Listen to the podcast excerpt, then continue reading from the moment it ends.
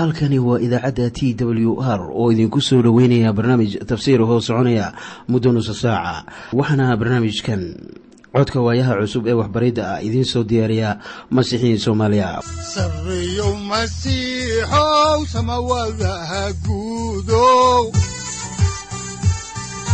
Siraadkii adduunkow subanaha eebow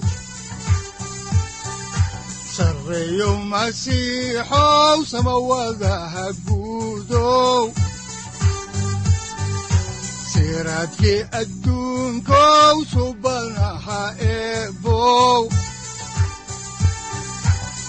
adigoo samada jiro ifkaan soo saldhiganba adigoo soo saldhiganba kutubtiisanaye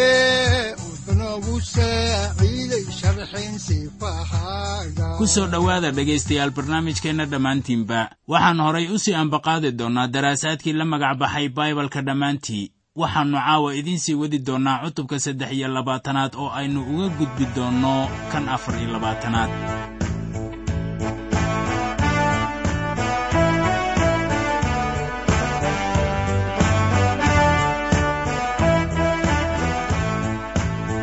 isay begraadu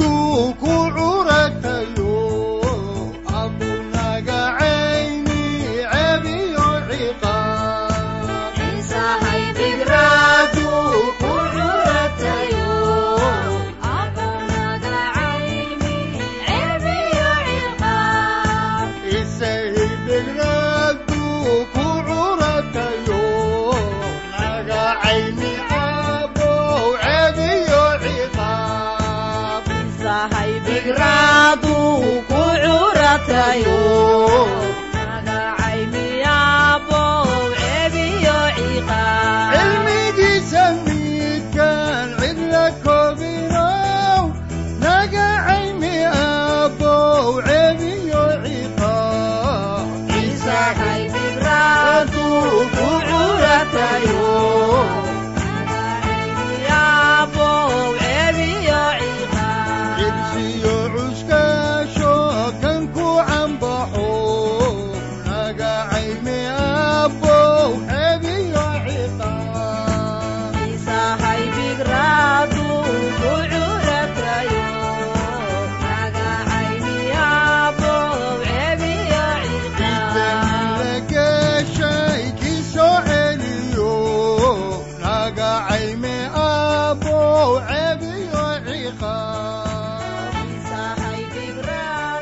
markii noogu dambaysay waxay inoo joogtay amarkii ku saabsanaa ilmaha aabballa'aanta dhasha oo la leeyahay ilaah sooma hor istaagi karaan.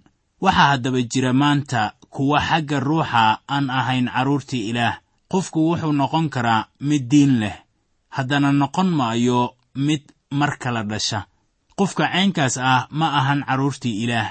Ilaah taa waa noo caddeeyey nikodemos wuxuu ahaa farrisi oo wuxuu ahaa nin diimeed oo hoggaamiya u ah dadkiisa oo sida uu dharka u xidhan yahay oo keliya laga garan karo waxa uu yahay. Laakiin sayid ciise masiix wuxuu leeyahay kuwa nikodemos oo kale ah waa inaad mar kala dhalataan. Sayid ciisena taasi wuu u caddeeyey nikodemos sida ku qoran injiilka sida yooxana uu u qoray cutubka saddexaad aayadda saddexaad waxaa jira kuwo badan oo la baabtiisay laakiin welibana xagga ruuxa aan weli noqonin carruurtii ilaah. Kuwaasi waa dembiilayaal weli. Waxayse la tahay maquuriska la maquuriyey oo keliya inay ku noqonayaan carruurtii ilaah. Ilaah wuxuu leeyahay kuwa aan aabbaha lahayn aadi maayaan samada ama jannada maadaama uusan jameecada ka mid noqon karin ama gelaynin. Jameecada ilaah laga heli maayo kuwa xagga ruuxa geeska ah ilaah oo carruurta ilaah ama kuwa ilaah ka cabsada waa kuwa ilaah uu iska leeyahay. Waayo waa kuwa mar kale dhashay. Haddaba waxaa jira su'aal wanaagsan oo ay tahay inaad isweyddiso maanta. Miyaad mar kale dhalatay? Miyaadse og tahay in masiixu uu yahay badbaadiyahaaga? Waxaa ku qoran injiilka sida yooxanaa uu u qoray cutubka koowaad aayadaha laba iyo toban ilaa saddex iyo toban sida tan laakiin in allah intii aqbashay wuxuu siiyey amar ay carruurtii ilaah ku noqdaan. Kuwaasu waa kuwii magaciisa rumaystay oo aan ka dhalan dhiigga ama doonistii jidhka ama dad doonistiis laakiin waxay ka dhasheen ilaah. Haddaba miyaad gaartay heer aad ku noqoto carruurtii ilaah? Wax micno ah yeelan mayso heerka aad dadka ka taagan tahay. Waxaase la doonayo waxa weeye inaad tahay mid ka mid ah carruurtii ilaah. Haddaan horay idinku sii wadno kitaabka shanaad ee muuse oo loo yaqaano sharciga ku noqoshadiisa cutubka saddex iyo labaatanaad ayaa waxaa ku qoran aayadaha saddex ilaa afar sida tan. Oo mid reer caamoon ah ama mid reer mo'aab ahu. Waa inuusan shirka rabbiga gelin. Xitaa hadday toban qarni joogaan waxa ay farcankoodu leeyihiin waa inayan weligood shirka rabbiga gelin maxaa yeelay markaad jidka soo socoteen idinkama ay hor keenin kibis iyo biyo toona. Markaad masar ka soo baxdeen oo weliba waxay idiin soo kiraysteen belcaam ina bicoor oo ka yimid fetor oo ku taal mesobotamiya inuu idin habaaro aawadeed. Nimanka dhulka qoda ayaa waxay ogaadeen in reer caamoon iyo reer mo'aab ay ahaayeen qolooyinka ugu xunxun kuwa karaahiyada ah waxay heleen carruur badan oo loo bixiyey sanamkoodii baal ahaa. Haddaba diimaha beenta ah soo geli maayaan jamaacada sayidka. Sidee baynu u garanaynaa diimaha qaldan? Waxaannu u garanaynaa midhaha ay dhaliyaan. Waxa xaqiiqada ah waxa weeye inaanay inaga hor keenaynin biyo iyo kibis. Marka aynu ku dhex jirno lamadegaanka oo loola jeedo inaanay dadka baraynin hadallada ilaah oo ayaan daahirinaynin ama maquurinaynin. Haddaan horay idinku sii wadno kitaabka sharciga ku noqoshadiisa cutubka saddex iyo labaatanaad aayadaha shan ilaa lix waxaa qoran sida tan. Hase yeeshee rabbiga ilaahinna ahu wuu diiday inuu balcaam dhegaysto laakiinse rabbiga ilaahinna ahu wuxuu habaarkii idinku beddelay duco. Maxaa yeelay rabbiga ilaahinna ahu wuu idin jeclaa cimrigiinna oo dhan waa inaydan weligiinba iyaga u doonin nabad iyo barwaaqo toona. Haddaba tanu waxay u muuqataa arrin qaraar laakiin waa digitaan looga digayo inay diimaha beenta ah ku xidhnaadaan diimaha qaldan waa kuwa shayddaanka ka yimid markoodii hore. Haddaba tanu waxay u muuqataa arrin qaraar laakiin waa digitaan looga digayo inay diimaha beenta ah ku xidhnaadaan diimaha qaldan waa kuwa shayddaanka ka yimid markoodii hore. Markaana ma ahan in shayddaanku u galo jameecada rabbiga. Waa diimaha qaldan waxa dunidan wereerinaya markaana suuragal bay noqonaysaa in shayddaanku uu soo galo halka ay jameecaddii ilaah wax ku caabudayaan. Si xaalkaasi wax looga qabto waxaa loo baahan yahay inaynu ka feejignaanno diimaha qaldan. Diimaha qaldan waxba kuma lahan ama boos ka heli maayaan jameecadda ilaah. Haddaan horay idinku sii wadno kitaabka oo aan haatanna eegno sharciga ku noqoshadiisa cutubka saddex iyo labaatanaad aayadda toddobaad waxaa qoran sida tan. Waa inaydan karhin mid reer edom ah maxaa yeelay waa walaalkiin. Waana inaydan karhin mid masri ah maxaa yeelay dalkiisaad qariib ku ahaan jirteen. Waxaannu ku soo aragnay kitaabka bilowgii in reer adom ay ahaayeen kuwii ka soo farcamay ciisow oo ahaa yacquub walaalkiis oo labaduba waxay ahaayeen mataano. Reer caamoon iyo reer mo'aab ayay ahaayeen kuwa la karhayo.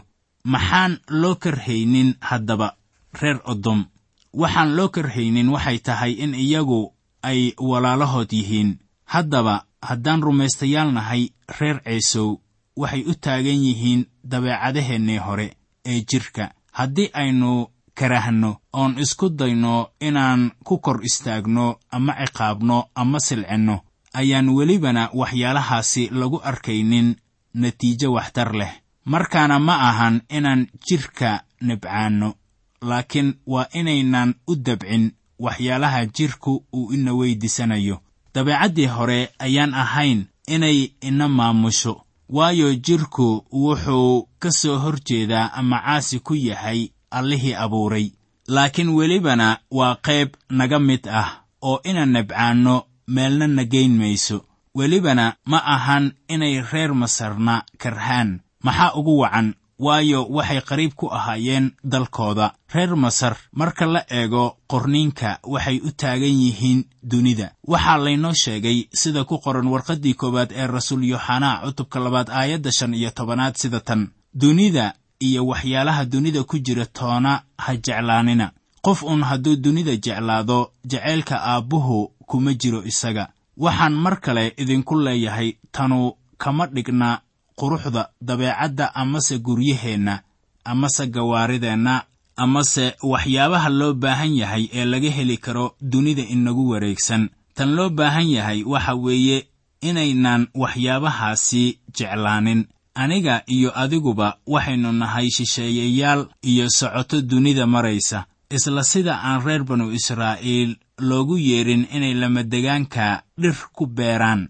Ayaanan innaguba ahayn inaan ku biirno kuwa leh aynu dunida wanaajinno. Waxa laynaga doonayo waxa weeye inaan hadallada ilaah dadka ku wacdinno taasina waa hoosheenna laakiin waxaynu nahay socoto iyo shisheeyayaal gaafureegaya dunida guudkeeda. Haddaba ka bilaabata aayadda sagaalaad waa qayb looga hadlayo nidaafadda weliba markii ay joogeen goobaha dagaalka ayaa waxaa laga doonayaa inay nadiifiyaan xeradooda haddaan horay idinku sii wadno xigashada kitaabka ayaannu eegaynaa kitaabka shanaad ee muuse oo loo yaqaano sharciga ku noqoshadiisa cutubka saddex iyo labaatanaad aayadaha laba iyo toban ilaa saddex iyo toban. Waxaana qoran sida tan. Oo xerada dibaddeeda waxaad ka yeelataan meel aad u baxdaan oo hubkiinnana waxaad la qaadataan takida oo kolkaad dibadda saxaro u fadhiisataan waa inaad takida god ku qoddaan oo intaad dib u soo jeesataan wixii idinka soo baxay waa inaad ciid ku aastaan. Ilaah haddaba wuxuu danaynayaa sixada wanaagsan iyo fayadhowrka.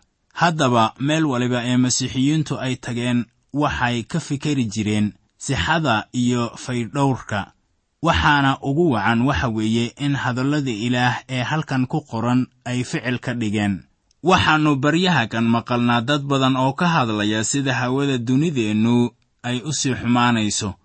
Haddaba ilaah ma ahayn wixii xumeeyey hawada.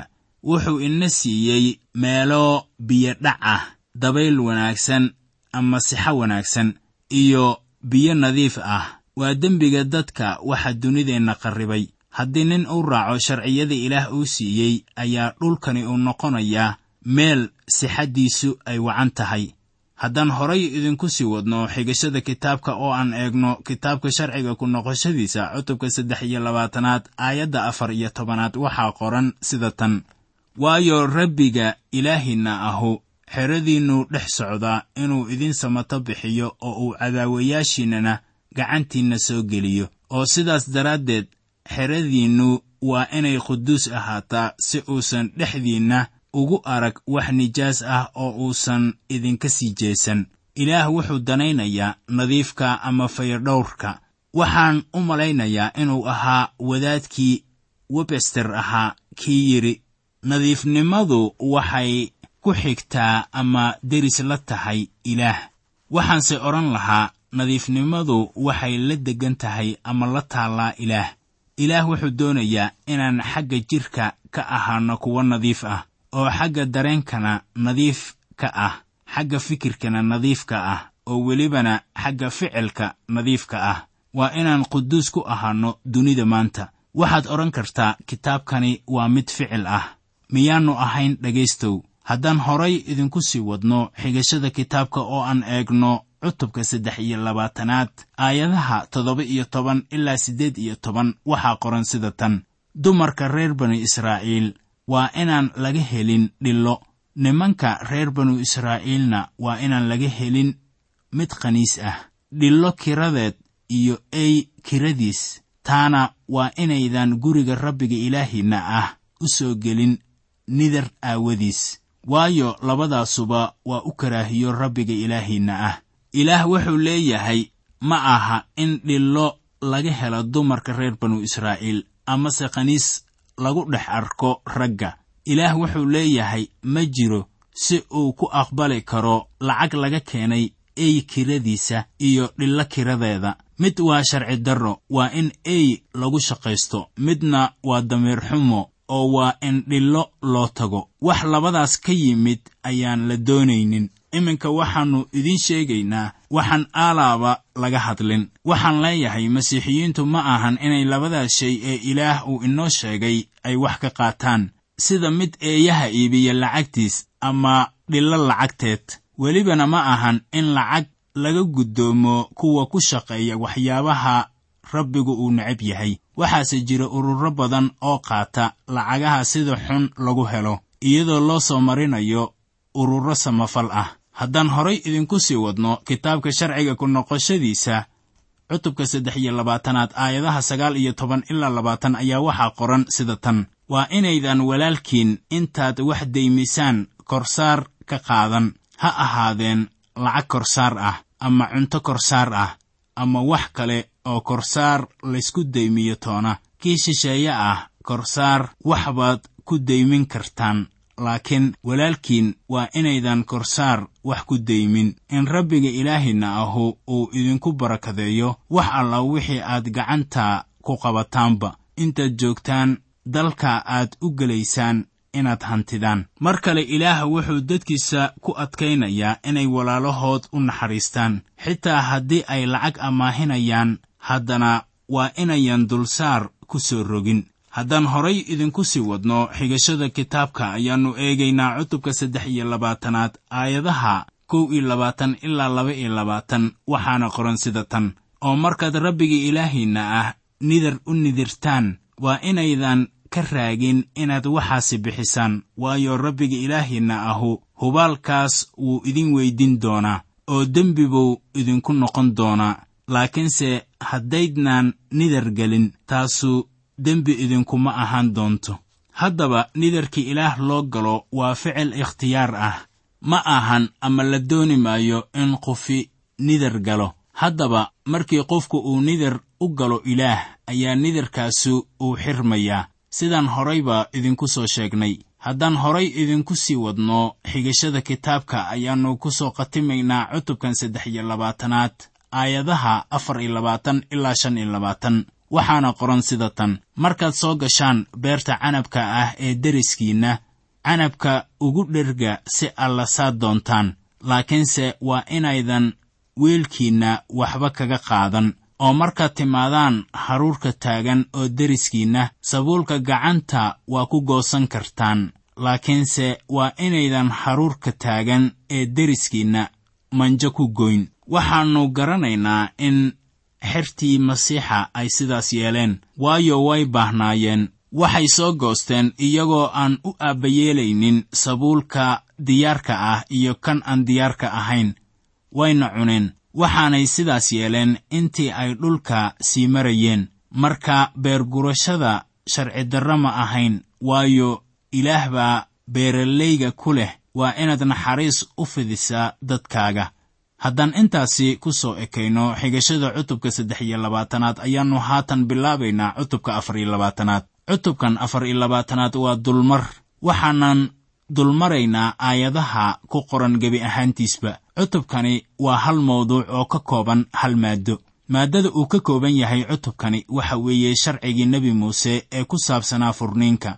Cutubkani wuxuu ku bilaabanayaa waxa sharcigu uu ka leeyahay furitaanka hablaha wixii ka dambeeya cutubkan waxaa looga hadlayaa xidhiirka dadka ee ah inay isku naxariistaan. Saaxib ilaah wuu naxariis badan yahay wuxuuna dadkiisa ka dhowrayaa inay isku naxariistaan. Waxaan iminka eegaynaa maaddada koowaad ee ah sharciga furniinka. Si bal aynu xaalkaasi wax kaga ogaanno ayaa waxaa habboon inaan isla eegno kitaabka sharciga ku noqoshadiisa cutubka afar iyo labaatanaad aayadaha kow ilaa afar. Waxaana qoran sida tan haddii nin naag uu qaato oo uu guursado oo dabadeed uusan raalli ka ahayn sababtuna ay tahay ceeb uu iyada ka dhex helay.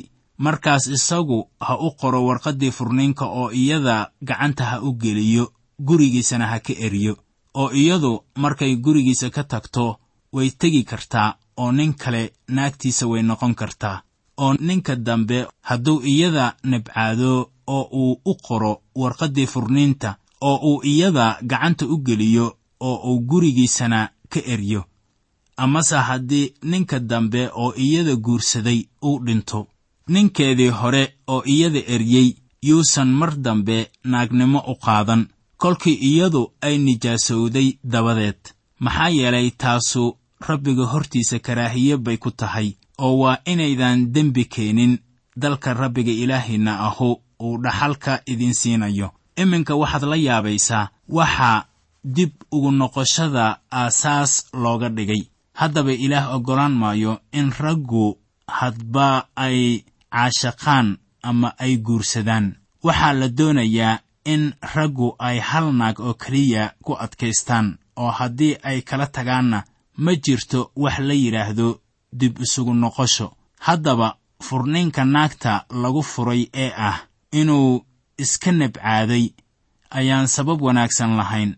Maxaa ilaah taas uu u oggolaaday haddaba sayid ciise masiix ayaa taasi ka hadlay. Markuu lahaa sida ku qoran injiilka sida matayos uu u qoray cutubka sagaal iyo tobanaad aayadaha toddoba ilaa sagaal waxaana qoran sida tan. Markaasay waxay ku yidhaahdeen haddaba muuse muxuu u amray in warqaddii furniinta iyada la siiyo oo la furo? Muxuu ku yidhi wuxuu ku yidhi maxaa yeelay muuse wuxuu idinku fasaxay inaad naagihiinna furtaan qalbi engegnaantiinna aawadeed. Laakiin bilowgii sidaas ma ahayn. Wuxuu idinku leeyahay ku alla kii naagtiisa ku fura. Wax aan sine ahayn oo mid kale guursada wuu sinaystaa oo kii guursada tii la furay wuu sinaystaa waxaa keliya oo naag lagu furi karaa haddii ninkeeda markhaati cad uu ku hayo ee ah inay nin kale la seexatay. Dabcan waxaa jira dareen kale oo furniinka laga muujiyey sida ku qoran warqaddii koowaad ee rasuul bawlos uu u qoray dadka korintos cutubka toddobaad. Hase yeeshee halkan wuxuu ciise ku leeyahay muuse wuxuu furniinka u aqbalay waxay ahayd qalbi engegnaantiinna aawadeed. Waxaa jira waxyaabo badan ee uu ilaah oggolaado wuxuuna u oggolaanayo waxa weeye qalbi engegnaanteenna aawadeed. Taasuna weli waa wax jira. Marka la fiiriyo waxa dadka ay baryaha kan dambe isku furayaan ilaah wuu naxariis badan yahay wuuna nimco badan yahay wuxuuna inoo yeelaa waxyaabo aan samayn lahayn sida abbaarta ah. Waa raallinimadiisa tan muujinaysa nimcada uu ina siiyey markii aynu taasi garanno ayay kuwo badan oo wadaaddada ah la noqonaysaa inayan waxba eedaynin ragga furaya hablahooda. Haddaan horay idinku sii wadno xigashada kitaabka sharciga ku noqoshadiisa cutubka afar iyo labaatanaad aayadda shanaad ayaa waxaa qoran sida tan. Markii nin naag dhowaan uu guursado waa inuusan dagaalka gelin. Howl kalena waa inaan loo dirin laakiinse intii sannad ah waa inuu gurigiisa ikhtiyaar ku joogaa oo waa inuu ka farxiyaa naagtii uu guursaday. Ilaahna haddaba wuxuu ilaalinayaa guriga xitaa wakhtiyada dagaalka. Ilaah wuxuu danaynayaa mudnaanta nidirrada guurka. Haatanna waxaynu eegaynaa kitaabka sharciga ku noqoshadiisa cutubka afar iyo labaatanaad aayadda toddobaad waxaana qoran sida tan. Haddii nin la helo isagoo mid ka mid ah walaalihiisa reer banu israa'iil intuu xaday uu ugu mucaamiloodo sidii addoon oo kale amase uu isaga iibiyo. Markaas tuuggaas waa in la dilaa oo sidaas waa inaad sharka dhexdiinna uga saartaan. Ilaah iminka wuxuu nacalladayaa kuwa dadka addoonsada iyadoo aan sharci ahayn. Haddaan horay idinku sii wadno kitaabka oo aan haatan soo gebagabaynayno cutubka afar iyo labaatanaad. Ayaannu ka eegaynaa aayadaha labaatan ilaa laba iyo labaatan. Waxaana qoran sida tan. Oo markaad geedkaaga saytuunka ah midhaha ka garaacdid mar dambe laamaha ha ku noqon. Waxaa lahaan doona qariibka iyo agoonta iyo carmalka. Oo markaad midhaha ka soo urursatid beertaada canabka ah waa inaadan dib u soo xaabxaabin waxaa lahaan doona qariibka iyo agoonta iyo carmalka. Waa inaad xusuusataa inaad dalka masar addoommo ku ahaan jirteen. Haddaba waan idinku amrayaa inaad waxaan samaysaan. Ilaah wuxuu daryeelayaa masaakiinta iyo saboolka aan waxba haysanin. Ilaah qorsho wanaagsan ayuu masaakiinta u hayaa. Tan ahmiyadda lehna waxa weeye in qorshaha ama barnaamijka ilaah ee masaakiinta uu yahay mid shaqaynaya taana waxaannu arkaynaa wax yar kadib markii aynu nimaadno kitaabka ruut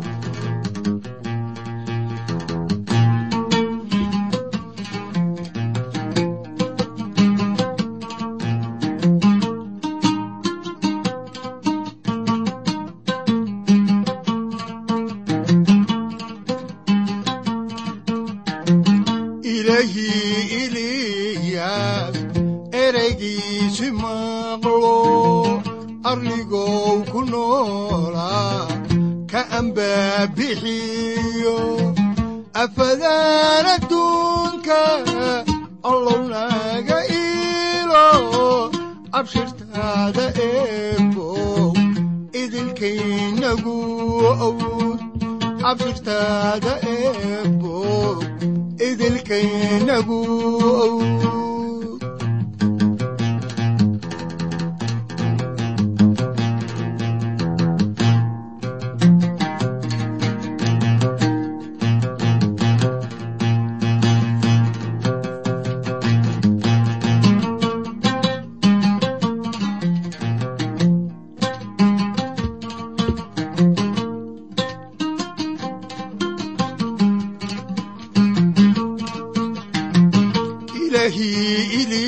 eliyaas ayantii abaarti tukaha u amro ku irsaaqay hawdko afadaan adduunka allow naga sareeyo masiixow samawadaha guudow siraadkii adduunkow subanaha eebow adigoo samada jiro ifkan soo saldhiganba adigoo samada jiro ifkan soo saldhiganba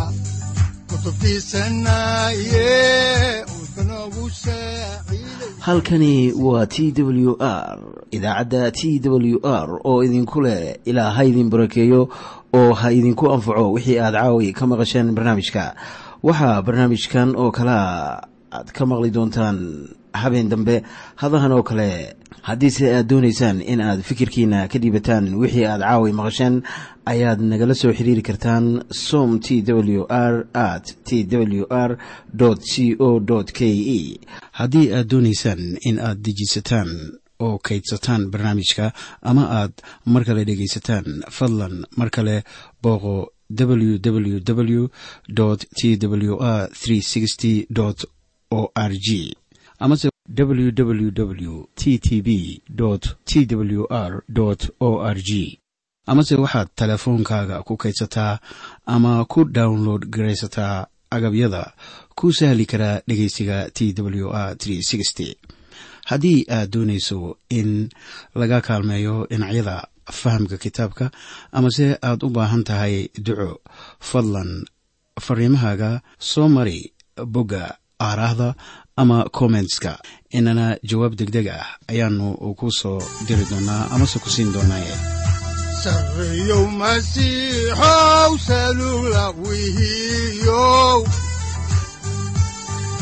saacadda timid dhulka sabada ku dhalatiyo